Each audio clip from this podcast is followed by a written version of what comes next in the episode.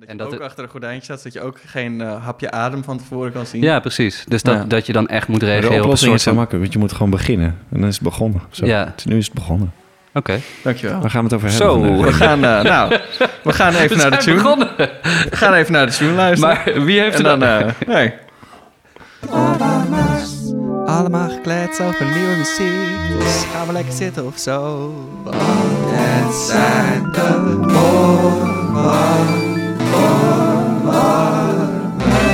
Nou, dan is dat nu toch wel echt officieel. Ja, maar nu zitten we erin. Nu is het het begin niet meer. Nee. Nu zitten we erin. Maar het is helemaal niet leuk om met Morris te spelen, want die wint altijd. Maar, eh, maar er is helemaal geen winnen of verlies toen. Nee, dat, is, ook zo'n zo. eh, Nee. zo'n achterhaalde gedachte. Ja, het. nee, goed, dank je. We hebben hier geen bokalen staan. Je kan niet als eerste binnenkomen. Het is gewoon allemaal heel, eigenlijk vrij egalitaire situatie. Oké, oké, Ja. goed. Heel- Eh, Dan, dat, is- dat is een goede, eh, dat is een, een goed nulpunt om dan... Precies. te beginnen. Vanaf hier gaan we beginnen. Ja, En gaan we wel de gast, de altijd winnende gast, ja. nog eventjes wat meer ophemelen. Oh, absoluut, Je absoluut. hebt eh, zijn voornaam al genoemd. Ja, Zijn stem heeft al heel eventjes geklonken. ja. Maar er is nog meer over Ja, mijn god, wat, wat, wat is er te vertellen? Een ehm, waanzinnig componist eh, en instrumentalist. Eh, verschillende koperblaasinstrumenten, zeg ik, maar, maar gewoon vooral ook hornist volgens mij. Maar in de keren dat ik hem heb zien spelen, kwam er ook volgens mij een, een, een, een, wel eens een bugel aan te pas. Wel eens een, een soort cornetvormachtig instrument. Eh, synthesizer hier en daar ja, is hem ook niet vreemd. Ehm, en gewoon een, een, een, waanzinnige, een waanzinnige improvisator. Eh, ik heb een van mijn all-time favoriete concerten eh, ehm, als luisteraar meegemaakt met, met hem op het podium. Eh, dat was namelijk In Sea van Terry Riley door Stargaze. Ehm, met de meester zelf. Wat echt een, voor mij een iconisch concert was. En ehm, zeker... eh, nou ja, daar speelde, daar speelde Marlies ook mee eh, eh, van Perforator, die we eerder te gast hebben gehad. Maar zeker die linkerkant waarin jij en Marlies stonden te, stonden te gaan en helemaal in een soort van lekkere vrijheid zaten. Nou, dat was voor mij iconisch om te zien. En vanaf toen ben ik je eigenlijk meer gaan volgen. Denk ik aan stukken van. Nou ja, de koning van de, van de hedendaagse muziekcyclus... Nee, he- hedendaagse liedcyclusvoorstellingen. nou ja, precies. Daar, daar wilde ik inderdaad. eh, nou ja, ja. Eh, de Secret Diary Hij of is het Nora zelf Plane. mee eens, zie ik ja. aan hem. Ja, ja. Ja. Eh, High Dive, wat eh, voor- recent op album is uitgekomen. Ja. Ehm, ja, gewoon heel cool. En wat ik nog leuk vind om toe te voegen, in dit jaar heb ik echt mijn, een concert gespeeld met hem voor het eerst. En dat concert ga ik nooit, nooit, nooit meer vergeten. Dat, ehm, dat, eh, dat wilde ik nog even delen. We hebben Morris Kliphuis te gast. Morris, fijn dat je er bent, man. Dankjewel. Fijn dat ik er mocht zijn. Ja, vandaag. Ja. ja. We, hebben er, we hebben het al een jaar geleden over gehad. Dat, dat jullie mij hadden uitgenodigd Ja. dat ik een keer wilde komen in de podcast. En ik woon in Berlijn, dus ik wilde heel graag, maar het lukte lang niet. En heel leuk dat het nu wel gelukt is. ja zeker. Ja, dank, Ja, Je, dankjewel. zeker. Wilde, je, wilde jij nog wat toevoegen? De intro is de intro. Aan wat? Aan de intro? Aan de intro? Ja. Nee, ik heb mijn toevoeging... eh, Ja, was goed. dat over, dat, over, de, over die... eh, over de- wat ik niet zo goed uit kon spreken, maar... Koning van de hedendaagse liedcyclusvoorstellingen. Ik heb het nu een keertje kunnen oefenen, dus dan gaat het makkelijker. ja. Ben je het daarmee eens met die, eh, Ja, met die kroon? Nee. Nee? nou ja, misschien als, eh als geuzetitel. Het is ook complimenteus bedoeld. Dus, het is, Dankjewel. dus, dan hoeft het, dus het hoeft niet per se... Je hoeft niet per se te zeggen, oh ja, dat ben ik precies. Maar het is meer gewoon van...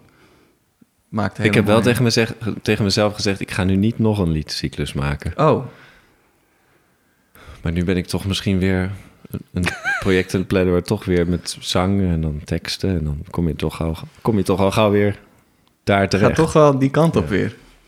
Ja, nou ja. Ik vind het ook heel leuk om, om, om eh, liederen te schrijven. Je bent er ook heel goed in. Dankjewel. Dus dan denk ik... Heb je, ook in andere dingen wil je niet... Ik wil niet vastpinnen op één ding. Ja. Ehm, nou, ik ga het even bij mezelf houden. Ik zou er graag nog eentje willen zien en horen Oh, van je. cool. Ehm, en, wa- en doe daar lekker mee wat je zelf wil. Ik ga erover nadenken. Ja. Waar, waar komt het vandaan? Het, het, het, het- de, het- de liefde om songs te schrijven, om met tekst bezig te zijn, om, om dat te doen? Met tekstwerken vind ik heel fijn. Ik merk dat ik... ik kom, mijn vader was vertaler en ik kom uit een soort bookish eh, familie. Allemaal mensen die met... Mijn zus heeft Engels gestudeerd. En dus ik, er waren altijd heel veel boeken om het heen. En ik heb als, als een heel klein jongetje... hebben mijn broer en zus hebben me Shakespeare uit het hoofd leren opzeggen. En zo. Dat soort dingen. Dat was een beetje... Mijn, mijn achtergrond, mijn moeder komt uit Engeland. Dus dat, nou ja, ehm, ik heb altijd wel een affiniteit met tekst gehad en met literaire, ja, taal. En ik merk dat als ik met teksten werk, dat ik heel gauw al ehm, klanken daarbij hoor. En, en dat het een heel fijn proces voor mij is om, om door tekst en door de associaties die dat bij me oproept tot een soort vorm te komen. En ik vind die songvorm heel fijn, omdat het is een soort, eh, het is een soort grens. Het is een, een song is bij mij nooit langer dan 10 minuten, meestal eh, tussen de drie en de, en de zes, of eh, acht misschien. En, ehm, en ja, dus ik leen, ook, ik leen ook een beetje die vorm uit de popmuziek natuurlijk. Dus ehm, ik vind het fijn en overzichtelijk. En ik kan dan daar net zo lang eraan sleutelen tot ik het idee heb... ik heb nu iets... Ik heb het nu verfijnd tot een soort de duidelijkste kern van het idee. En dan is het klaar en dan kan ik het loslaten. En dan kan ik er nog eentje maken. En dus eh, die overzichtelijkheid vind ik, eh, vind ik fijn. Voel ik me veilig. Mhm. heel goed, heel goed. Waar voel je je niet veilig? Ehm, waar voel ik me niet veilig? Muzikaal gezien. Nou, ik heb heel lang geworsteld met het idee van langere stukken. Ehm, omdat ik best een control freak ben, geloof ik. Dus ik, ik had dan het gevoel, ik moet die hele vorm overzien. En ik moet precies van... Ik moet precies alle aspecten van die structuur helemaal in de gaten kunnen houden. En dat kan ik nog helemaal niet. En dat is veel te moeilijk. Dus daar ben ik een beetje van weggebleven. Van echt langere vormen. En die deel ik dan op in allemaal liedjes. En dan, Ja. dan, vind ik, Dan schrijf ik stiekem toch een lange vorm gehad. haha, ja, dan- ja, precies. niet, dus eh, die, ja. die, liedcyclies zijn eigenlijk ook gewoon dingen van een uur. Ja. Ehm, Maar, ben, eh, ben er nu wat vaker mee bezig om, om in, in grotere schaal te denken. Heb je daar een voorbeeld? Ben je bezig met iets nu? Of? Ehm, nou, het werkte ik met Johanna Doudadou. Dat is een pianiste uit Polen waar ik nu veel mee werk. Eh, en Tom heeft Oh, dat was dat concert. Ja, precies. gespeeld Ja. in de zomer. Heel leuk dat je dat zo hebt ervaren. Mhm. Ehm, da- daar werken we heel erg vanuit improvisatie in, in hele vrije vormen. En dan is. Eh, dan maken we opnames van improvisatie. En die werken we uit tot een soort composities, maar in een hele, op een hele, in een hele losse zin. Die meer eh, eh, combinatie van materiaal. En dan op een gegeven moment gebeurt er dat en dan dat. Maar er is eigenlijk niet echt een vast omlijnde vorm. Of er zijn geen afspraken die je echt kunt definiëren en op papier zetten. Dus het is heel, heel vrij. En, ehm, en ik merk dat, dat we daarin al gauw over grotere schalen gaan denken. En dan, dus dat, dat, dat is een show van een uur. Ja, maar dat is heel improviserend. Dus daar heb ik dat gevoel van controle moet ik daar sowieso opgeven. Dus dan... En ook gedeel, gedeeld makerschap dan, Ja. toch? Ja. Ja, ja. Ja. Eh, ja, verder... ehm, ik ben aan het, in, bij het improviseren wel bezig met langere tijdspannes. Dat vind ik nu heel interessant. Ja, want, Ja. want bij, de, bij de introductie... ehm, en, en ook als ik, als, ik, eh, als ik online een beetje struin... dan wordt er gezegd componist en instrumentalist. Bestaat het allebei 50-50 voor je? Ja, en het is een soort thema in mijn leven dat ik de hele tijd me zorgen maak. Ben ik nou een componist of ben ik nou een speler? Moet ik niet iets kiezen? Want als je één ding kiest, dan ben je toch beter in dat ene ding. En dan heb je meer diepgang, bla bla bla bla bla. Het is van die dingen die je dan op het conservatorium hoort of waarvan je denkt van... Maar ik merk elke keer als ik heel diep het ene inga... dat ik daarna enorm behoefte heb aan het andere en andersom. Dus dat is gewoon eh, wat ik het is een beetje onhandig dat ik de hoorn gekozen heb, omdat het een instrument is waar je heel veel voor moet studeren. Dus eh, dat is vooral een praktisch een, een probleem. Maar ehm, eigenlijk ben ik best tevreden met die, die gelijkwaardigheid van die twee dingen. En, en voeden ze elkaar ook voor jou? Of is het, zijn het echt twee totaal losse dingen? Steeds meer. Het was heel lang best wel gescheiden. En ik merk nu ik eh, wat ouder word en wat meer ervaring opdoe met improviseren. En dat ik, dat ik het, het, mijn controlfreakerigheid in het componeren wat kan loslaten. En dat ik een deel van het soort eh, vormen en het kiezen meer in het spel ook kan integreren. Dus dat het iets meer met elkaar verweven wordt. Langzamerhand. En wat heel fijn is als componist, is om ervaring te hebben op het podium en te weten hoe een instrumentalist zich voelt als hij een partij voor zijn neus krijgt. Dat soort dingen. En ik merk dat ik daar wel veel aan heb. En dat dat voor ensembles ook fijn is. Ja, ja, ik bedoel, daarbuiten, en dan, dat hebben we dan nog niet eens benoemd, maar je hebt natuurlijk ook superveel gespeeld met, met je trio Kapok, wat nu dan, eh, eh, nu dan over is. Jullie hebben je laatste, laatste tour gedaan. Ehm, maar buiten dat je, eh, dat je inderdaad, nou, zoals ik in het begin al zei, een in C in muziekgebouw speelt, heb je, heb je op zoveel verschillende podia ook, ehm, ook ervaring. En ik wil het expres niet, niet echt gaan, niet echt gaan in, in hokjes, in stijlen gaan bedenken. Maar ik bedoel, in, in, in beginsel ben je een jazzhornist. Maar is dat maar- toch? Of zeg, Ja, zeg nou iets heel geks? ik heb En jazz dat is de- gestudeerd. en ja, toen precies. ben ik nee, laten we dat dan zo noemen. Hip-Hop Orkest gaan, toen ben ik in terecht gekomen. En toen zijn we gaan- twee- drie jaar gaan toeren. En dan eh, enorme popfestivals met de rappers. En, en daarna met Lucky Fons, meer singer-songwriter. En ik, ik, ja, ik merk dat ik enorme behoefte had om, om dat allemaal te ontdekken. En eh, ja, dus een enorme breedte. Ehm, dat, ik, dat ik daar heel blij van werd. In ieder geval die fase in, in mijn leven. En dat ik daar, ik denk dat ik daar veel aan gehad heb. Maar het heeft ook een soort, soms een soort existentiële verwarring opgeleverd. Zo, ah, wat wil ik nou? Wat ben ik nou? Want eh, ik kan dit doen en dat vind ik heel mooi. Maar ik kan ook dat doen, dat vind ik ook mooi. Wat moet ik nou kiezen? Ehm, en dat, ik merkte dat ik die breedte heel erg fijn vond. En ook om te voelen hoe al die verschillende soorten muziek werken... en hoe verschillende talen in muziek... Weet je wel, dus die soort grammatica en die, al die dialecten van... wat is dan... eh, wat, wat voelt er anders in popmuziek... en hoe, hoe, kan ik dat, hoe kan ik daar zo dicht mogelijk bij komen... dat ik dat echt eh belichaam niet alleen een beetje meespeel... en eh, vrije improvisatie en, compositie en al die dingen. En ik merk nu, nu ik ouder word, dat het weer ehm, teruggaat en dat het, dat het zich weer. De een naar de ander valt, vallen een beetje zo dingen af. Ik hoef niet meer op tournee als in de blazerssectie met een bandje bijvoorbeeld.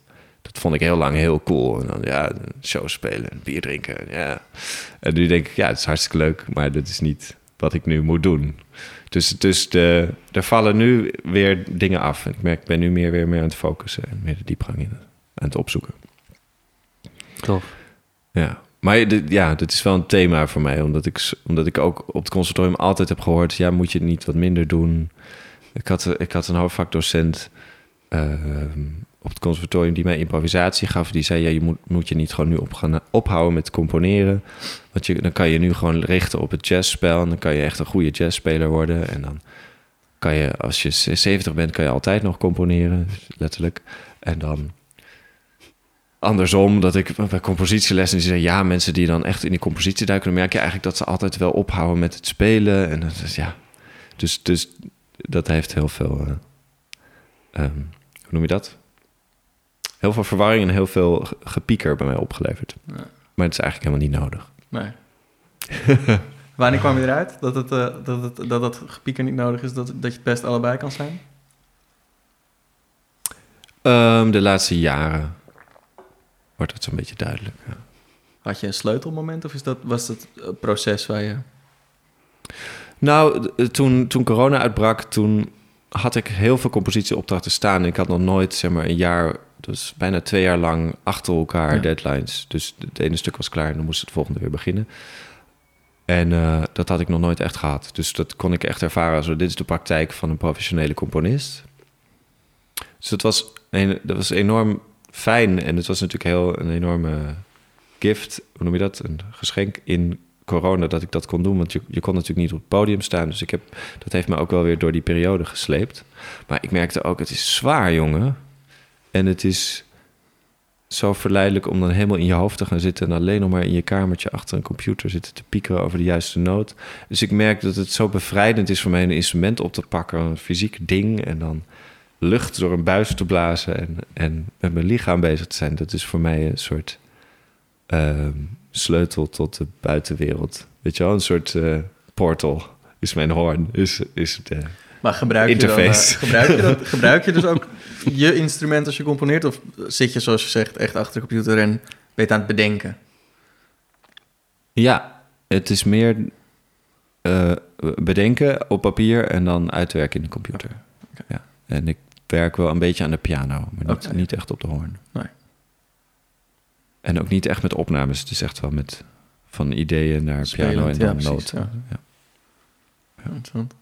Maar zou je dat willen doen? Zeg maar dat je gewoon denkt, oké, ik gebruik mijn hoorn en dat wordt mijn uitgangspunt om te componeren? Ehm, voel ik op dit moment niet zo, nee, nee, nee. weet ik niet. Ik heb wel, eh, ja, ik- ben meer bezig met improviseren op de hoorn en, Ja. en solo ook improviseren en Ja. langere tijd.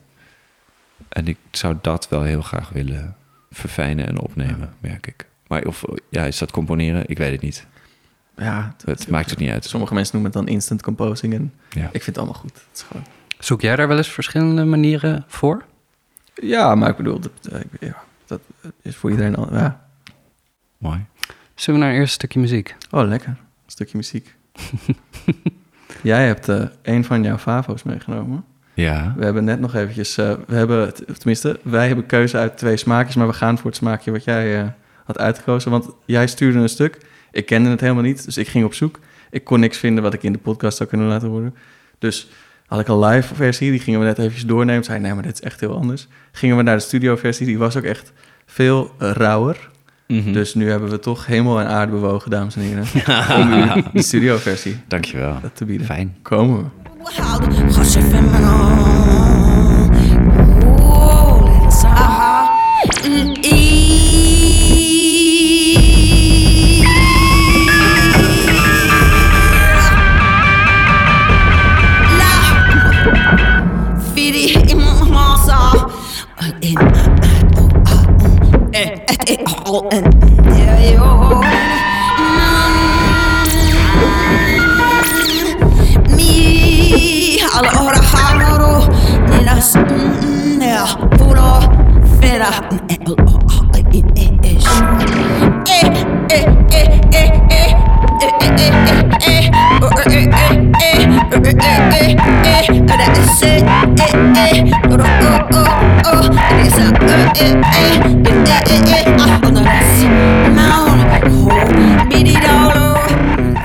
Cool. Heel cool. Mm. Ehm, en om even te schetsen, het is eh, zang en een gitarist. Ja. Weet ik niet of ze in de studio misschien dubs hebben gedaan en extra dingen hebben gedaan. Maar in de live versie is te horen dat al die crazy effecten van die gitaar, die doet hij live ook. Dus ja, ja, ja. hoe weet ik, weten we niet, maar Waar hebben we naar geluisterd? Sissel Endresen en Stian Westerhoes. Hoop dat ik het allemaal goed uitspreek. Eh Sissel re- werd ik vrij recent op gewezen... en is een stemkunstenares uit Noorwegen. Een soort de grande dame van de geïmproviseerde stem in, zeg maar, Scandinavië. En, eh en vind ik zo gaaf hoe hij zijn gitaar en zijn effecten heeft geïntegreerd tot een soort ja, ongrijpbaar monsterlijk ding. En het kan alle kanten op en je weet nooit wat er gaat komen. En, en wat ik zo gaaf vind is hoe zij met z'n tweeën improviseren. En het is eh, volgens mij geïmproviseerd. Ik, je weet het natuurlijk nooit precies, maar ehm, het, het is bijna, het klinkt bijna gecomponeerd. Als je het naast ehm, eh, Stockhausen legt of zo, dan denk je ja. eh, dus ze- weten in hun improvisatie een soort samen te, te communiceren over hetzelfde ding. En dat is heel duidelijk afgebakend. Het is ontzettend gedefinieerd en, en zo krachtig. En, ehm, en wat, wat ik heel inspirerend is, vind, is dat in haar stem, ze bedenkt ook, ze heeft zelf een soort spraak ontwikkeld. Of een soort ehm, taal. En je hoort ook dat het zo vrij is dat het helemaal niet eh, gebonden is aan verwachtingen of aan de buitenwereld. En het is zo direct en zo eerlijk en waarachtig. Dus dat vind ik gewoon heel inspirerend. Ik denk elke keer oh ja, ja, gewoon durven, durven, durven, durven, durven. Echt ervoor gaan. Dat is een goed Het is gewoon credo. heel erg stoer. Ja, het durven is inderdaad het stoerste wat je kan doen. Mhm. Ehm, wat, eh, wat durf jij zo? Wat ben je nu aan het durven? Of wat ben je zelf laten durven? Wat, oh. Ehm, nou ja, ik heb gisteren eh, met een danseres, Miri Lee, hebben we samen ehm, een, een sessie gedaan. En toen heb ik akoestisch met de hoorn gespeeld en zij heeft gedanst. En we hebben twee keer een half uur non-stop geïmproviseerd. En, en dat was zo gaaf. En ik merk ehm, het durven om je lichaam echt serieus te nemen, je lichaam je lichaam te laten. En ik merk, eh, en als je een impuls voelt, die volgen en tegelijkertijd gewoon een stilte te laten ontstaan. Dus gewoon echt te ontspannen in het moment en te zeggen, ik ben nu hier, wat, eh, gewoon te voelen en te gaan.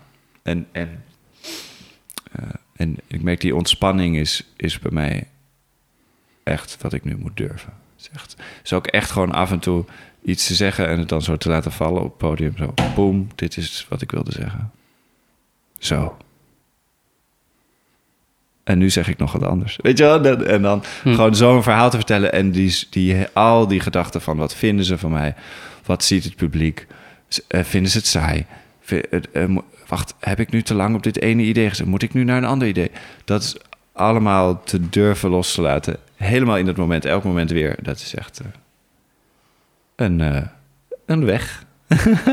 en daar, daar ben ik nu mee aan het oefenen. Het is heel leuk. Hoe oefen je dat? Gewoon heel veel doen. Telkens weer doen.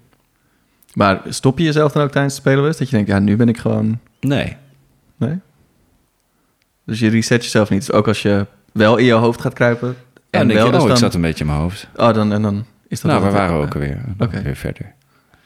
Ja, en, ik, en ik merk, nu ik dat, die praktijk langer volhoud... dat ik ook daardoor langere bogen kan spelen. Dat het interessanter wordt en dat het minder opgefokt en angstig wordt. En eh, dat ik meer tot de kern kom met het improviseren. Dat is heel fijn. Heel cool. Het is heel, En- heel en- leuk. Het is een heel spannende weg. Ja. Voor mij in ieder geval. Want ik, ik weet er gewoon niet wat er komt. Ja.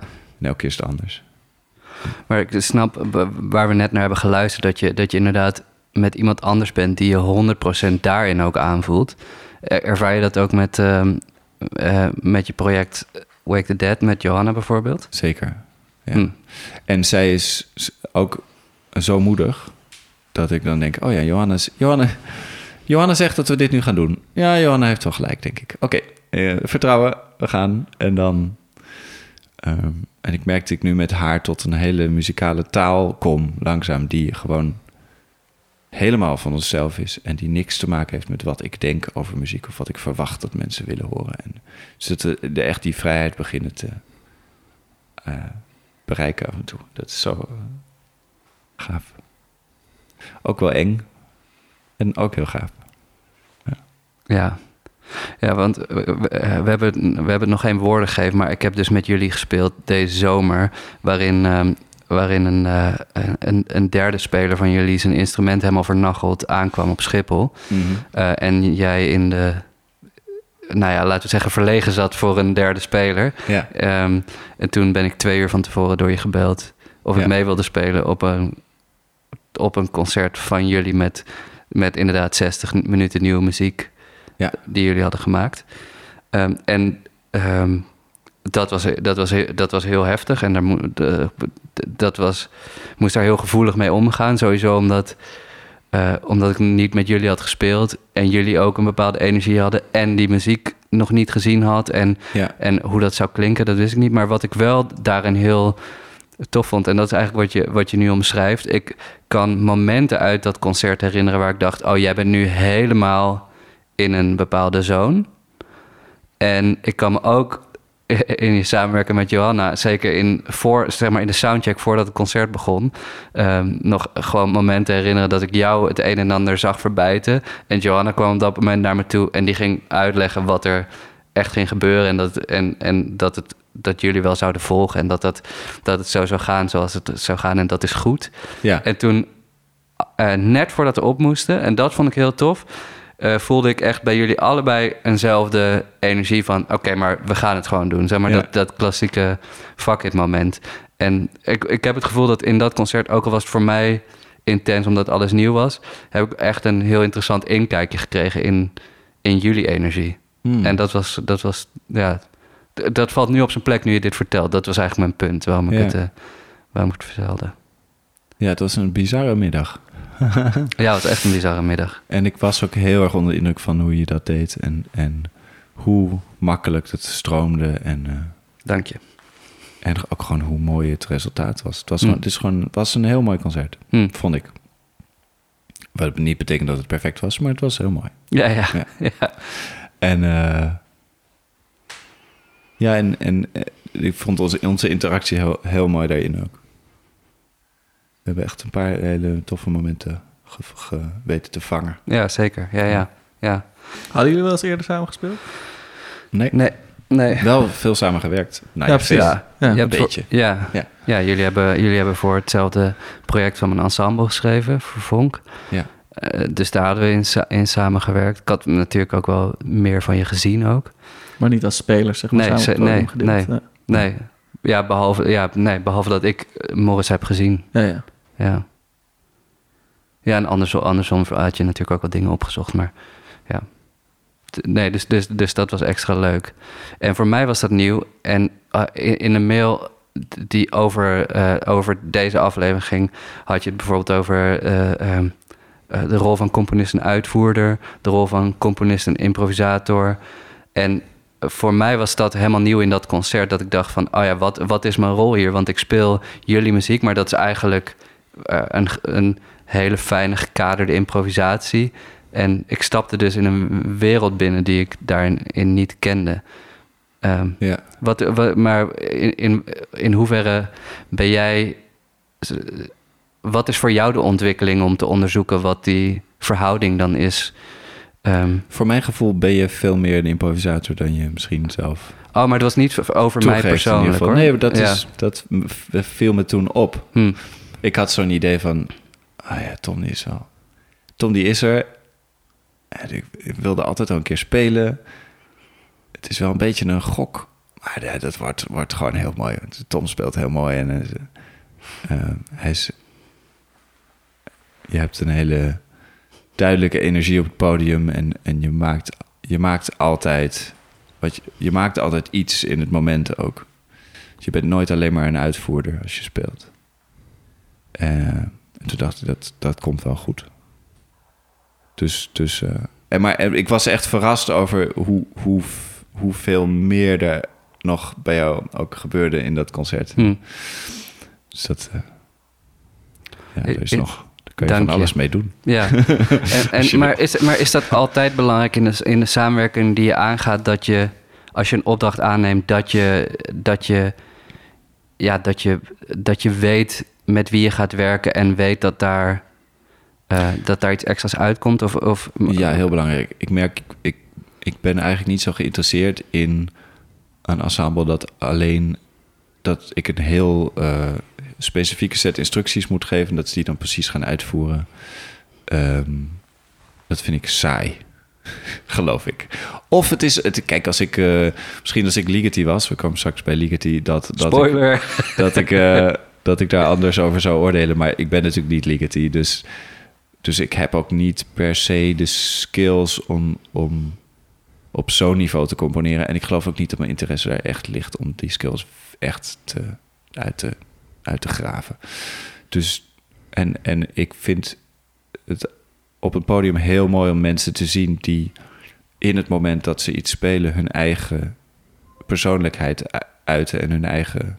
En het moment ook laten bepalen wat er gaat gebeuren. En dat kan ook met gecomponeerde muziek, maar als het echt een, de echt eh, componist, de echt de klassieke hiërarchische componist uitvoerderrol, voel ik me een beetje ongemakkelijk bij.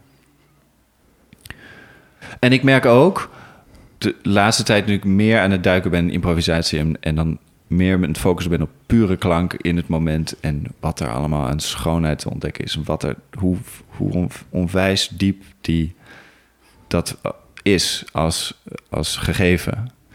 Eh, dat ik sommige gecomponeerde muziek die ik vroeger heel indrukwekkend vind, nu saai vind.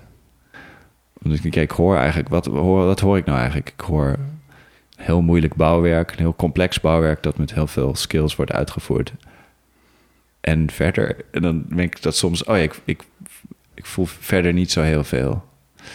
En dan hoor ik liever iemand die misschien veel minder skills heeft, maar eh, die op het moment iets maakt. En dan hoeft het niet eens heel goed te zijn. Maar dan, dat vind ik op dit moment eh, fascineert mij dat. Ja. Ja. Omdat het gewoon een directe relatie is, omdat het waarachtig is en het is eerlijk. In het beste geval. Het is natuurlijk een uitdaging om daar te komen, maar ja. ja. Ja. Ja. Ja, en, en nou heb ik dan ook verschillende stukken van je gespeeld. Waar, waar, waar je ook altijd iets van improvisatie in weet te. Of niet, misschien niet altijd, maar eh, in weet te fietsen. Probeer ik altijd wel. Ja. Ik Maar kan je daar bij het- iedereen mee aankomen? Jawel hoor. Ja? Ja. Ja. De, de, de hele angst voor improvisatie van, van de, de, zeg maar de, tussen aanhalingstekens, klassiek geschoolde muzikant, is er vaak ook een beetje ingevreven. Of komt door de praktijk van dat mensen niet genoeg zonder noten spelen. En daardoor denken dat ze dat niet kunnen, maar dat Mhm. is onzin. Hm. Het, het wordt misschien afgeleerd doordat het niet op prijs wordt gesteld in de klassieke, hiërarchische klassieke context. Ja, en bij kinderen wordt het vaak niet gestimuleerd. Dus Ja. als een kind op les komt en zegt... kijk wat ik heb gevonden op mijn instrument... en dan, dan zegt de docent... nou ja, maar dat is geen toonladder. Dat, dat, Ja. dat, is, dat is niet wat ik tegen jou zei dat je moest oefenen. Ja. En dan denk je toch... oh, maar ja, dat was gewoon op mijn slaapkamer. Ik vond dat heel cool. Ja. En dan die docent zegt... ja, maar nu gaan we toch... nu moet je voor straf die toonladders dan drie keer achter elkaar voor mij spelen. En dan, ja, dan leer je het ook wel af. Maar dan tegelijkertijd, als het omhoog komt bij iemand... dan zeggen we, nee, doe maar niet. En ik op de consultoria het komt bij mij, bij, ik, ik heb nu een klasje met kinderen in Berlijn die ik hoornles geef. Ja. Die zijn allemaal, vinden ze het leuk. Ja, en, tuurlijk, En je ja. merkt allemaal dat ze eigenlijk het heerlijk vinden om gewoon in dat ding te blazen en random knoppen in te Ja, drukken en te horen wat eruit komt. dat is toch ook het gewoon pure, ja. Puur genieten van klank en energie. Ja, precies. Dat is heel mooi. Dat- En dat is te gek. En dat, dan kom je ook veel dichter bij muziek maken. En dan wordt het ook veel spannender om iets te gaan oefenen. En daar, eh, daarin te gaan, ook te gaan kijken... oké, wat voor klank heeft dit nodig wat ik nu aan het spelen ben? Omdat je dan veel meer met klank al aan het experimenteren was gewoon. Ja. Terwijl het niet iets hoefde te zijn. Maar dan als je op een gegeven moment wil dat het iets is... heb je gewoon een grotere gereedschapskist om uit te kiezen. Ja. Ja, en waarom zitten we hier in een podcast over hedendaagse gecomponeerde muziek?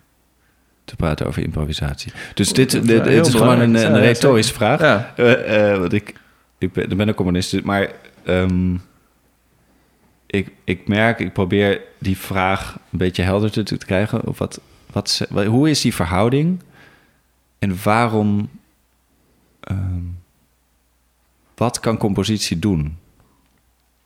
Nou ja, ik denk, eh, ik bedoel, ik, ga, ik ga gewoon even korter door de bocht, zodat het wat Heel makkelijker spreken is. Ja. Ehm, ik denk dat wat compositie kan doen, heel goed aan ons is laten zien in eh, de jazz.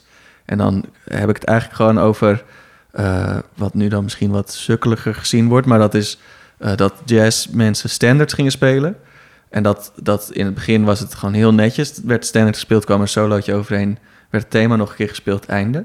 En daar, daar werd steeds verder in gegaan. Tot op een gegeven moment mensen ook gewoon zeiden van... nou, dit is eh, Around Midnight. En, en, dan ga je, en dan zit je te luisteren en dan zit je zo... en dan kan je twee dingen doen. Je kan of gewoon lekker zitten luisteren... of je kan gaan nadenken... maar ik ken Around Midnight toch? Dit is toch niet Around Midnight? Ehm, en dat is wat ik bedoel. Ik denk dat compositie kan een uitgangspunt zijn... eh, voor de muziek die op een podium plaatsvindt. Ook omdat we nu een hele andere relatie hebben met wat muziek is. Iets opnemen is eh, waanzinnig makkelijk geworden. Ja. Het aan an- met andere mensen delen is eh, super makkelijk. Dus zo'n stuk, een nieuw stuk muziek, kan je al tot je nemen in een soort van mooie uitvoering waar je alle spelers tevreden over zijn. Eh, lekker thuis op je eigen systeem, helemaal comfortabel. Maar dan zo'n concert, wil je hem dan nog een keertje zo horen zoals je het van de opname kent? Eh, of wil je dat ze dan live er iets mee gaan doen? En dat is in de jazz, maar dat is natuurlijk ook in de pop. In de pop is het heel normaal dat als je naar een band gaat kijken, dat, je, dat het wel de liedjes van het album zijn Ja. waar je heen gaat. Maar eh, andere versies, of in één keer hebben ze een knijterlang intro erbij gedaan met een of andere guitar solo. Maar dat maakt allemaal niet uit, weet je wel. Want je bent daar dus ook niet om terug te horen wat je al kent, maar je bent daar om een ervaring te hebben op dat wat je kent. Of Ja. met dat wat je Ja. kent. Ja. En dat, dat mag van mij veel meer ook in de klassieke muziek. Maar ja, dan moet, dan moet er ook, dan, weet je wel, dan heb je de kentering van wat gaan spelers doen. En eh, spelers moeten daaraan wennen. En weet je wel, je, moet, je hebt Ja. toch de achtergrond is heel anders. Muziek maken, manier van muziek maken is heel anders. Nou, Ja. en, ik, en ik denk dat nu ook in populaire muziek, in popmuziek, dat het veel meer gaat over verheerlijking van de artiest in plaats van verheerlijking van de muziek, zoals het misschien meer is bij jazz of bij hedendaags. Ja, maar goed, ik heb het dan, als ik het heb over een bandje, heb ik het dan, dat is dan natuurlijk ook pop, maar dan gewoon zeg maar de, de bandjes die bandjes spelen, dus niet, eh, niet Ja, Harry ja. Styles. Nee, precies. Ehm, een hele knappe man, maar gewoon eh, niet zeg maar dat soort muziek, maar ja, gewoon de muziek waarbij er mensen met een instrument op het podium staan Ja, en het op dat moment aan het maken zijn. Eh, want ja, wat jij nu schetst, dat zijn ook vaak gewoon, daar wordt een, eigenlijk gewoon een soort Ableton-file wordt er afgespeeld en daar zingt iemand overheen. Dat, kan dan alsnog, dat heeft dan andere kwaliteiten, maar dat is niet wat ik hiermee bedoel. Mm-mm. Nee, precies. Dat zou ik heel interessant vinden. Als je gewoon dus inderdaad eh, wat je live op het podium doet met een klassiek ensemble, of een hedendaags klassiek ensemble, of hoe je het ook wil noemen. Eh, ja, dat, dat je daar oprecht mee op zoek kan gaan naar wat, wat zouden we hiermee kunnen doen. Eh, wat wel komt vanuit wat hier op deze pagina staat. Maar wat ook weer gewoon is wat wij ermee kunnen doen. Ja. En dat zou dan op zich elke avond anders kunnen zijn. En dat zou gewoon een set afspraken kunnen zijn. Het zou helemaal vrij kunnen zijn. Het zou kunnen zijn, hey fluit, jij speelt de melodie en wij gaan wel kijken wat we doen. Het, weet je wel, dat, eh, dat, dat is het leuke. Je kan daar dan van alles mee doen. Eh, maar ja, dat moeten dus mensen wel. Mensen moeten ermee beginnen. Dat is wat het is. Dus mensen, luisteren jullie? Begin hiermee. Heb je een voorbeeld? Heb je, Ja, ik, moet ik uit eigen praktijk gaan eh, vissen? Dat is natuurlijk wel, kan wel even. Nou, ik vind Dames een heel goed voorbeeld. Is een heel goed voorbeeld. Hmm, Sorry, ik wil je niet Nee, afkappen. nee, dit is Mm. veel prettiger voor mij. Inzie. Mhm. Eh, omdat dat is voor mij het soort het eh, ideaal voorbeeld of het, het, het schoolvoorbeeld van een, van een stuk dat dat doet. Dus het geeft, eh dus Terry Riley, 1964 geloof ik. Ja, zo is het, 63 Eh, is het. het zijn motieven, korte motieven op een pagina. Iedereen heeft dezelfde pagina, dus ehm, iedereen speelt dezelfde noten, maar heeft eh, de vrijheid om het te, te interpreteren. Eh, je mag het, elke motief mag je herhalen zolang als je wil. En doordat die motieven zo herhaald worden op met oneven lengtes en zo, dan gaat het over elkaar schuiven en ontstaat er een hele textuur. En wat ik zo, zo ontzettend fascinerend vind in dat stuk is dat het een soort sociale. Het is een soort spel. Het is zoals Monopoly een. eh, Monopoly is het slechtste voorbeeld, want het is een verschrikkelijk spel. Maar ehm, een, een spel dat een context biedt waarin mensen eh, met elkaar een, die, iets kunnen gaan doen. Beetje zoals aan het begin van deze podcast. Zo'n spel. ja, zoiets. Nee, maar dus, dus het biedt een, een framework voor Hmm. mensen en, en een paar spelregels o- om interactie met elkaar uit te gaan. En daar ontstaan vervolgens een bouwwerk wat iedereen verrast en wat veel groter is en veel spannender en, en complexer dan je zou kunnen doen als je alleen als je zonder spelregels speelde. Hm. En, en dat vind ik heel spannend aan de, de rol van de componist. Dat je eigenlijk de spelregels aan het verzinnen bent voor mensen op een podium. Hmm. Ehm, en ik zou willen dat ik daar nog veel. eh, dat, is, dat is een ambitie van mij, of een wens om, om als ik componeer daar nog veel meer van doordrongen te zijn. En niet weer een partituurtje te schrijven met noten en elk detailtje uit te schrijven. En dan vervolgens te zeggen: ja, gaan jullie dit maar doen. Maar om in, in depth na te denken over wat, is, wat betekent het nu als ik deze noten schrijf. Eh, moet ik hier noten schrijven? Ik kan, ik kan ook op een andere manier een spelregel geven. Ehm, dus ik denk dat. En ik denk dat notatie daar een heel grote rol in speelt, omdat de klassieke notatie die we allemaal gebruiken en waarvan we denken dat het muziek is, soms, dat die eh, heel goed is om bepaalde dingen aan te geven, noten en ritmes voornamelijk, Ehm, en heel slecht in alle andere dingen. Ehm, en dat duwt ons allemaal in een richting waar we allemaal een soort orkestpartituren gaan schrijven. Ook als we voor een kamerbezetting schrijven. En ook als we. We, sch- we schrijven allemaal ontzettend gespecificeerde noten en ritmes over eh, weet ik veel hoe lang. En dan moeten mensen dat als een soort player piano moeten dat allemaal gaan uitspelen. Ehm, en zo verdwijnt de identi- de identiteit van de mensen die die noten moeten spelen op het podium. Die, die, dat wordt eh, eh, ondergeschikt gemaakt aan het, het grote plan van de grote componist. Ehm, en het- ik geloof dat dat wel. Voor mij, heeft, voor mij eh, merk dat ik daar nu een beetje op uitgekeken raak. Ja. Maar ja, ik denk Ook in mijn eigen werk, want ik kijk dan terug en Ja. denk ik, ja, oh jongen. Laat het toch, laat, toch, laat, toch met, laat die mensen toch met rust.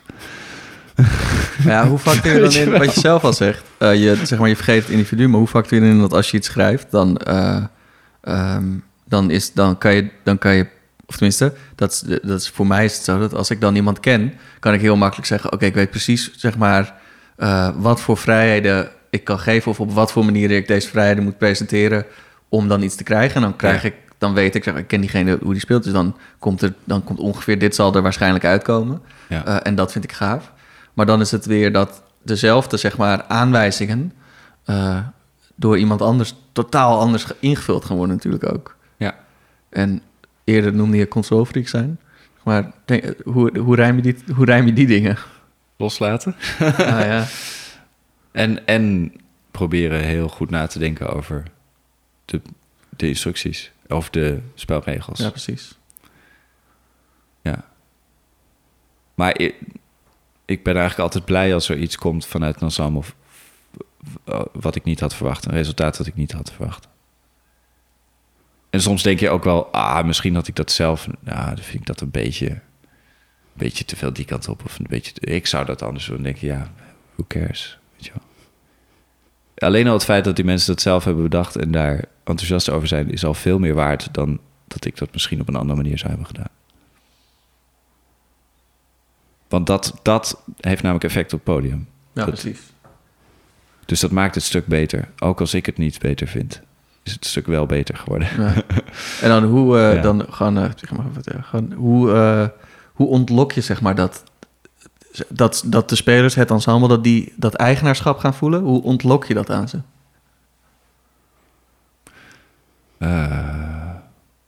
Dat weet ik niet. Hoe ontlok je dat aan ze? Maar wat ik nu nog vaak doe, is, is ehm, een aantal mensen een partij geven die vastgelegd is. En een aantal mensen daar vrijheid of improvisatie over laten doen. Al of niet met eh, spelregels. Maar als je kijkt naar In C, dat is helemaal.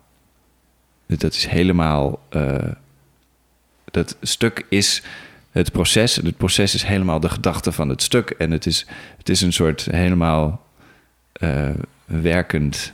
Dit is echt een heel mooi ontworpen spel. Dus ik, eh, ja, ik, ik heb wel het idee dat ik daar nog meer onderzoek naar moet doen. Om daar specifieker in te zijn. Dat is nog niet zo makkelijk. Nee, dat, dat denk ik ook. Het is maar- veel makkelijker Ja, om een partituur te schrijven. Dat denk ik ook. Waarin alles vastgelegd ligt. En tenminste, misschien is dat ook... eh, ah, dat, maar dat moeten we gaan zien. Eh, stel dat iemand op een gegeven moment daar een aantal goede methodes voor heeft... of dat daar een paar goede methodes voorbeelden voor zijn... dat het dan ook weer makkelijker wordt om daarop verder te gaan. Eh, maar dat ik het idee heb, ik weet niet of dat waar is... dat deze manier van werken, voor componisten in ieder geval... ehm, relatief nieuw is. Zeg maar gewoon van, van componisten die deze vrijheid willen geven. Want het is natuurlijk ja, ja, wat zei je, 63, 62, zoiets is het inderdaad, denk ik ook, begin jaren 60, in C. Ja. Dus daar begon dat al. Maar dat had een hele andere inslag dan dat ik het idee heb dat componisten dat nu doen. ja, maar het is, eh, in de barok deden ze het ook al. Er, weet er zijn van die Passacalia's, er zijn, eh, weet ik veel, eh, dertig hele goede gekozen noten op het, op, het, op het papier. En vervolgens moet de uitvoerder moet er wat van maken. Dus het idee dat... Het idee om zo te werken is helemaal niet nieuw. Nee, maar het idee om, om, om ja, om zeg maar, ik, tenminste, ik weet, ik kan het ook niet goed onder woorden brengen, denk ik. Uh, maar die combinatie dus juist van het genoteerde Ja, notenschrift en ook uh, iets, aan, iets aan mensen willen ontlokken, dus een soort vrijheid geven, Ja. waarbij uh, niet die, want ja, uh, in de barok, je kon dingen fout doen. Je kon Ja, het zeg maar, je ja, kon ja, een papiertje hebben en, en dat is wat ik bedoel. En ik weet er niet genoeg van, maar ik weet Er wel. waren wel allerlei onopgeschreven spelregels. ja, zo, en als je, dat, als je daar niet aan hield, dan kon klopt. het nog eens heel vervelend aflopen met je. Eh, dus ja, dus dat, dus dat dat klopt. niet. Dus ik heb toch het idee dat het nu van een, ander, van een andere sfeer is. En ook Zeker. van een andere sfeer dan in de jaren 60 toen Terry Riley dit deed. Omdat het toen Terry Riley niet per se om de individuen in een groep ging. Het was meer de, het, de, de manier van muziek maken was überhaupt al radicaal, zeg maar, anders dan wat er daarvoor gebeurde. Ja. Dat ik meer het idee heb dat het voor hem het groepsproces was Ja. met de individuen daarbinnen. Meer dan dat het één stuk was waarbij individuen hun stem eraan konden lenen en het daarmee gingen kleuren. Dat is veel later natuurlijk Dat denk meer ik, ja, dat, denk ik wel, ja. ja. Dat klopt wel wat je zegt. Ja. Dus da- daarom denk ik dat het nu iets van de componisten van nu is. Die gaan er weer op een, hun eigen manier mee om. Ja. Eh, en ja, wie gaat daar met, met iets tofs komen waar we weer allemaal door geïnspireerd kunnen worden en dat stapje verder weer kunnen nemen. Dat is dan Mhm. waar, zeg maar, waar, wie, gaat, wie gaat iets zeggen waardoor we denken, ah ja, dat brengt mij weer op een nieuw idee. Mhm. Dat zeg maar. Ja. En ik heb, ik heb het, dat, dat, dat is al, daar ben je altijd naar op zoek, denk ik. Maar Ja. Vanuit, mijn, vanuit mijn perspectief denk ik dat ik creatief, als, omdat ik allebei jullie muziek heb gespeeld, denk ik dat ik creatief kan zijn. En dat is bij jou, Morris, net iets anders dan bij jou, Remy, gewoon vanwege jullie idioom.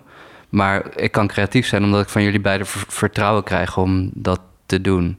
Ja. Eh, dat wilde ik er nog even aan toevoegen. ja, dus dat is ook, het is, het is ergens ook de houding van de componist, zeg maar, van degene die jou dat papiertje geeft Mhm. eigenlijk.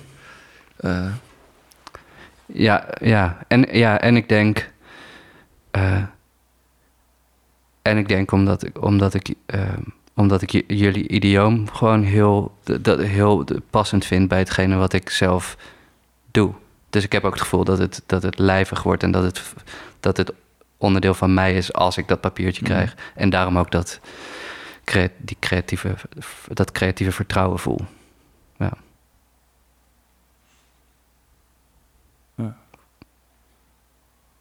En hoe voel je je als je in die andere situatie zit... waar je een, een helemaal doorgeschreven lab tekst krijgt... eh, notatie, noten...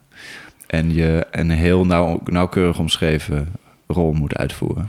Ja, d- dat, dat, dat, dat, ik denk dat het allereerst gewoon ligt aan, aan de stijl van dat stuk.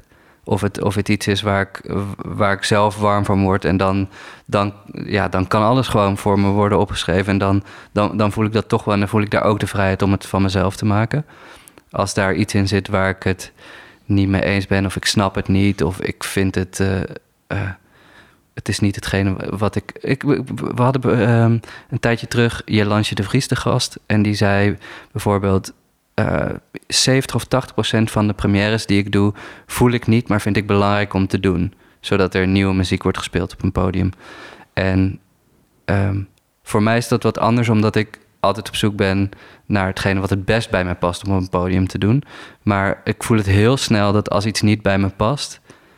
Ehm, dat het ook niet, dat, dat het in alle fases van het proces van dat stuk eigen proberen te maken of een podium te brengen, dat dat, ehm, dat, dat dan niet klopt. Dus ik, Mhm. ik weet niet, dat, dat is een persoonlijk, een persoonlijk proces waar ik een, een gevoel bij moet creëren.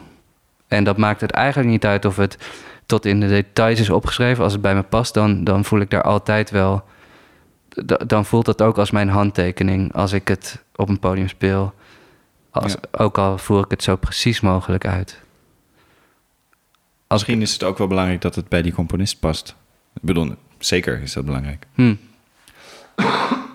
Sorry. Dat, ehm, uiteindelijk de kwaliteit van het werk toch gewoon leidend is. Zoals altijd. Ja. ja, maar wat ook bij je oorwarmer erover... ehm, dat die twee samen zo improviseerden. Ook al, ook al improviseer ik niet met... of, eh, doen we wel eens, maar... eh, in, in het tot stand komen van een stuk niet met Remy... ehm, ik heb wel het gevoel dat Remy... of dat, dat we eh, helemaal bij elkaar aansluiten... als het gaat over de solo-stukken die zijn geschreven... of dat is, nee, maar dat, dat is een. Dat is eigenlijk voor mij hetzelfde gevoel als wat jij omschrijft over die twee improviserende spelers die je luistert. Ja. Ik heb het gevoel Ja. dat dat helemaal aansluit. Dat dat heel, dus inderdaad, Dat je dat met, die, met de op. componist doet. Ja, ja, ja. ja. Ja. Ehm, ook al zijn we niet zo improviserend als bij jouw oorwarmer, heb ik wel het gevoel dat dat, dat, dat één op één Ja. eh, eh, eh, liefde en vertrouwen is voor hetgene wat er wordt gemaakt. Nou, mooi. Ja. ja, en daar voel ik dan de verantwoordelijkheid voor om, om samenwerking aan te gaan bij waar ik dat zoveel mogelijk kan voelen. Ja, in die zin, daar ben je natuurlijk ook gewoon maker. Ja. Ja. Ja. Ja. Tof. Ja. We hebben nog een oorworm. Ah, daar moeten we ook nog heen. Ja. We hebben heel lang zitten praten. Ja. Eh, wat, wat heel gezellig en interessant was dus. Maar ehm, ik ga even overschakelen. En eh, dat doe ik tijdens het luisteren naar de andere tune. Dus daar komt hij dan. reactie op een vorig stuk uit de Het is zo catchy. Het zou van. Het is zo catchy. Lekker zitten in je oor. Het is de. De oorworm, dames en heren, we zijn er aangekomen. Ik hoor het woord catchy en ik denk, oh, heb ik wel het juiste stuk gekozen. nou, ik ken het stuk. Ik zou willen zeggen ja. Fijn. Om nog niet te veel prijs te geven over wat je dan hebt gekozen. en waarom je het hebt gekozen. Maar je hebt moeten reageren op een stuk van Sofia Gubelina. Ik moet even... eh, In krotje. Ook bijzonder catchy. was heel catchy. Er zitten echt wel catchy stukjes in, vind ik. Maar de- ik ben oprecht nu. Hè. Gewoon, er zijn een paar van die slides in de accordeon en dan komt die bas in. Dus dat vond ik wel... Het greep je bij krotje. Nou, ik dacht, als je dit, zou, als je dit als een soort van lik zou zien, als een soort celletje, dan is het gewoon heel lekker. Gewoon, dit, is, dit is gewoon, ja, gewoon lekker. Gewoon. En daarom maken we deze podcast. Ik ga, ik ga vandaag dat stuk nog eens luisteren en dan ga ik, ga ik er luisteren alsof het allemaal gewoon lik zijn die inderdaad evolueren ergens. Alsof het een soort hip-hop productie is, R&B-productie. Ja, dat, dat, de- die link, dat dacht ik ineens, oh ja, zo zou je het ook kunnen luisteren, ja. ja. Ja. Ik, ik kon er eerlijk gezegd niet heel veel mee. Nee, dat mag ook. Dat is, Ja. dat is het mooie van, van, het zijn maar geluidjes, weet je wel. En toen, en toen dacht ik, waarom eigenlijk niet? Ehm, en ik kwam ik niet helemaal achter. Nee, precies. En toen Maar, heb je eh, nog een stuk gekozen waar je niks mee en, kon. En nee, Oh. en ik was, ik was eh, een stuk aan. Ik moest natuurlijk een stuk kiezen wat soort mijn. eh, stu- het stuk dat ik wilde meenemen. En toen dacht ik, ja, mijn lievelingsstuk in de quote-unquote hedendaagse muziek is Ligetisch Vioolconcert. Dat vind ik gewoon zo mooi en, en gaaf en diep en rijk en alles wat, er, wat je erover kunt zeggen. En, eh, en toen had ik had dat zitten luisteren en toen was ik Lina aan het luisteren. Dus ik zat helemaal erin, 16 minuten. Oh ja. En toen ik had mijn ogen dicht, ik zat in de trein. En toen kwam ineens Ligetisch Vioolconcert. Ik dacht, hé, wat is dit? Toen dacht ik, oh, wat fijn dit, nu. Toen dacht ik, wacht even, ik ken dit stuk. en dat was dus Ligetisch Vioolconcert. Maar dat had Spotify daarachter geshuffeld. dit, En toen dacht ik, ja, dit, moet, dit is gewoon de, dit is de, de reactie. dit is een first. Ja, het is Dat gewoon... iemand gewoon Spotify heeft ingezet. En Precies, Spotify heeft eh, gesproken. ja, nou, ehm, zo is Spotify ook bij ons naar binnen gekomen. Dus dat, infiltrerende zaak is dat toch? Dat, eh, Ja, het, het algoritme Als we nog een paar keer ook Spotify deze zeggen... podcast over langzaam. Langzaamaan, hè? Ja, Ja. langzaamaan. Ach, ik ben... Ja, ik nijp me voor wat er met mij gaat gebeuren. Maar laten we maar even naar een stukje mooie muziek luisteren.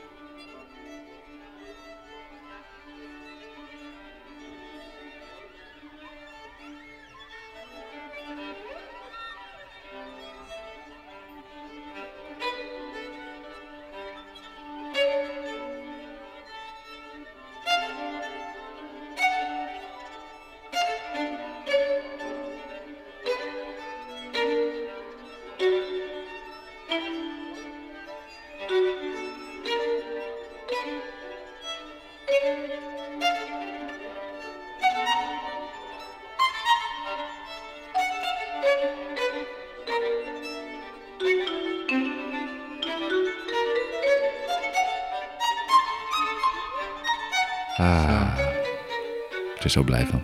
Het is een erg, Heel erg, cool. erg lekker stuk.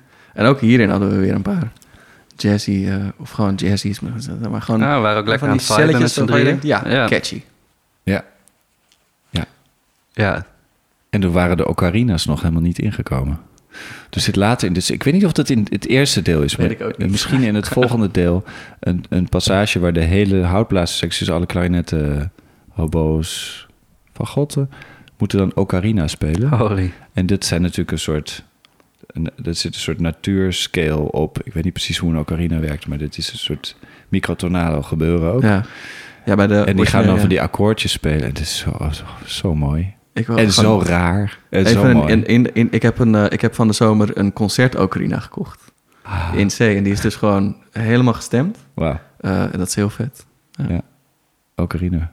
Ocarina for the win. Ja, precies. Want ik had daarvoor dat ik gewoon zo'n een kleine, die, eh, eerlijk, die was ook gewoon 12 euro of zo. Dus dat, die is niet gestemd, die is gewoon heel weird. En dat vond ik altijd heel tof, maar dat was altijd lastig. Want als ik hem dan wilde inzetten bij opnames of zo dingen, kwam je er altijd achter dat hij gewoon niet, echt niet stemt. Eh, dus, en toen had ik altijd oh, het is echt een vet instrument om inzetten, maar ik heb het niet. En toen kwam ik dit tegen, er stond gewoon concert ocarina. Toen moest ik eerst heel erg lachen. Toen ik naar binnen gaan. Toen heb ik aan die man gevraagd, ik zei van, ja, er staat ook concert ocarina, maar stemt hij echt of is dat gewoon, staat dat er? Toen zei ik, nee, je mag het proberen. Toen heb ik het geprobeerd. Toen heb ik bij een piano in zijn zaak gestaan te kijken. En hij Ja. stemde inderdaad. Heel Gaaf. cool. Ja, heel cool. Ja. Dus dat, dat bestaat, daar bestaat ook ocarina. Daar moest ik net aan denken. Ja. Ja. er bestaan ook gestemde ocarina's. Maar terug naar Ligeti. Ik, ik eerlijk, eerlijk gezegd had ik, heb ik het, dit stuk nog nooit geluisterd. Dus ik moet het, eh, ik moet gaan luisteren. Ja. Ik, ik heb, ben, ben een keer met, ehm, eh, ik ben een keer met mijn vriendin naar het concertgebouw geweest... waar toen ehm de Requiem van Ligeti werd, werd eh, gespeeld. Dat, dat, dat, dat was ook zo'n stuk wat zo'n indruk op... Maar dat bedoel, dat is niet via concert. Goed, lekker verhaal. Ehm, Dat is ook mooi, maar dat was echt een Ja. prachtig, eh, prachtig stuk. Ja. ja, wat echt super laag begon met, eh met ehm contrabas, trombone en contrabas, contrafagot, weet ik veel. Het was echt heel, heel, heel, heel, heel indrukwekkend. Ja. Ja, ja, was echt heel indrukwekkend. Ja, Ligeti. Is toch wel een baas. Eh, absoluut. Dat is wel de juiste term voor En deze wat man. ik zo heerlijk vind, is dat hij humor heeft. En ook lichtheid in zijn muziek. En daar helemaal niet eh, moeilijk over doet. Dus dit is ook, dit is eigenlijk hele lichte, energetic, Ja. eh, ener- eh, energie, energieke, ritmische, eh, een soort, ja, het is ook, het is een beetje, het is bijna dansmuziek. Het, en het is heel vrolijk, is het? Gewoon, en, eh, ja. en tegelijkertijd onwijs complex en heel raar. En al die dingen tegelijk. En eh, het is heerlijk. Ik kan me er helemaal in, helemaal in, in, eh, in verdwijnen in die wereld. En dan kijken en luisteren naar alle, alle detailtjes. En ik word er heel blij van. Altijd. Cool. Het is een heel leuk stuk. En het tweede deel is ook heel mooi. Een hele lange vioolmelodie. Een soort melancholische melodie. Ik, ehm, ik kijk uit naar jullie eh, eerste Ocarina-concert wat jullie gaan Ja. schrijven. Dat, eh, Oh, dat zou vet zijn. ja. Moet ik wel eerst ook een concert Ocarina scoren. ja, ja. Dat is wel vet. De Ocarina of Time. Oh, dankjewel voor deze? Zelda-referentie. Nee, nou ja, in deze winkel, en daar heb ik dus, daarom ging ik erop aan op deze winkel. We liepen er langs en er, en er lag dus een ocarina met dus het plaatje van Zelda. Oh ja. En toen ging ik dus wel helemaal zo van, oh, ik moet echt even kijken. En hij zag eruit alsof hij van hout was. Dus ik was helemaal zo, oh, en een houten ocarina, dat is echt heel vet. Oh, ik moet hier echt eventjes naar binnen. Toen was hij dicht, want het was in Spanje en dan tussen de middag zijn ze daar dicht. Het is niet Ja. een grote nietsdoen van Italië, maar ze komen in de buurt. Eh, en toen zijn we daar later in de avond nog heen gegaan. Toen was het open, toen bleek het een cutting van plastic te zijn. Oh. Maar ik ging er wel zo op aan. Maar toen zag ik dus de concertocarina en toen dacht ik, ja, dit, dit, Ja. volgens mij is dit wat ik wil. Ja. ja, dit lost alle vragen op van verhouding tussen componist en uitvoerder. eh, de, gewoon concert ocarina, dat is gewoon het, het nieuwe ding. Ga daarvoor. Ja, ga daarvoor. Ja. Dit is een Ehm, mooi inkijkje. Er komt op een gegeven moment gewoon een, eh, een afdeling op één conservatorium. Dat is waar het gaat beginnen, weet je Ja, wel. ja, ja. Net als je kan ergens gewoon panfluit studeren. Dus ik, dan vind ik, dan kan je ook ergens ocarina studeren. Of dat zou dan in ieder geval moeten kunnen. Goed. Er is nog zoveel te ontdekken en nog zoveel te gebeuren. Ja, dan kan je nog jazz Ocarina. Ja, precies. Pop ocarina, metal ocarina. Ja, Met de ocarina, ja. folk ocarina, weet je wel. Gewoon, eh, Ja. ja. Het is, een, het is een, eh, een gat in de markt voor de conservatoria, denk ik. Ik, ik denk het En als er dan Ik Ocarina-concert is geschreven, dan wordt het later nog gearrangeerd voor Ocarina en, ehm, en ehm, eh, Kalimba-orkest en zo, dat Oh. soort dingen. Ja.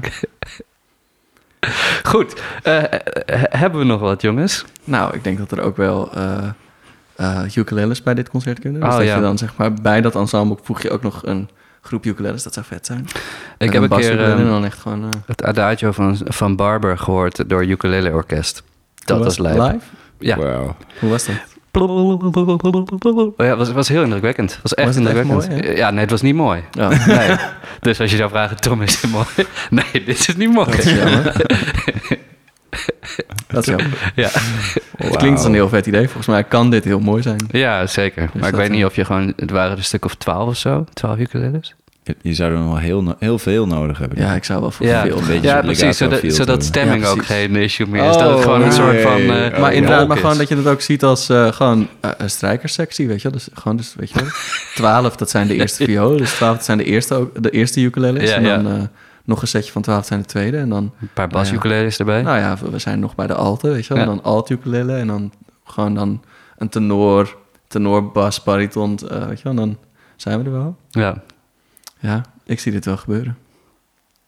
Je kan sowieso hele stoere muziek schrijven voor een ukulele orkest. Dat kan niet de ukuleles zijn echt vetter dan de meeste mensen denken. Nou, weer Goed. een plan. ja, perfect. Het houdt nooit op in de wereld. Ehm, lieve luisteraars, bedankt voor het luisteren naar aflevering 52 met Morris Kliphuis. Morris, fijn dat je er was. Dankjewel. Jij Echt heel tof dat je te gast was. Ja, heel leuk. En eh, Kort kijk, was het. Het is alweer voorbij. Ja, het, is, het gaat toch dan snel. Dan hebben we toch meer dan een uur zitten kletsen. En we hadden nog zoveel kunnen doen, vragen aan elkaar kunnen zeggen. Maar zo is het meestal. ja, wat god, we dan dan vaak kom je over een paar jaar toch ja, weer precies. terug. Kom, gewoon, kom gewoon nog een keer langs. Ja, En dan pakken we hem weer op. ja. Dan luisteren we naar de laatste tien minuten van deze. En dan zeggen we, oké, waar staat het nu? Ja, Dan kan het heel anders zijn. Ja, ja. En eh, ik zou zeggen, ga vooral ook lekker eh, muziek van Morris luisteren. Highdive staat dus net online. Nog niet online. Oh, oké, Er staat één singeltje online, maar de Oh, ja. plaat gaat binnenkort online komen. goed. Ja. Ehm, met Stargaze MP2. Eh, volg dat, heel mooi, heel cool. Eh, wij, gaan, wij gaan lekker aftaaien. Ik, ik zie jullie bij aflevering 53. Ha. Mooi gezegd, Tom. Dank je. We moeten nog even één ding zeggen. Wat wil je zeggen? Hou je oren warm. Oh, die was je vorige keer vergeten. Zeker. Maak er even een momentje van. Oké. Lieve luisteraars, hou jullie oren warm.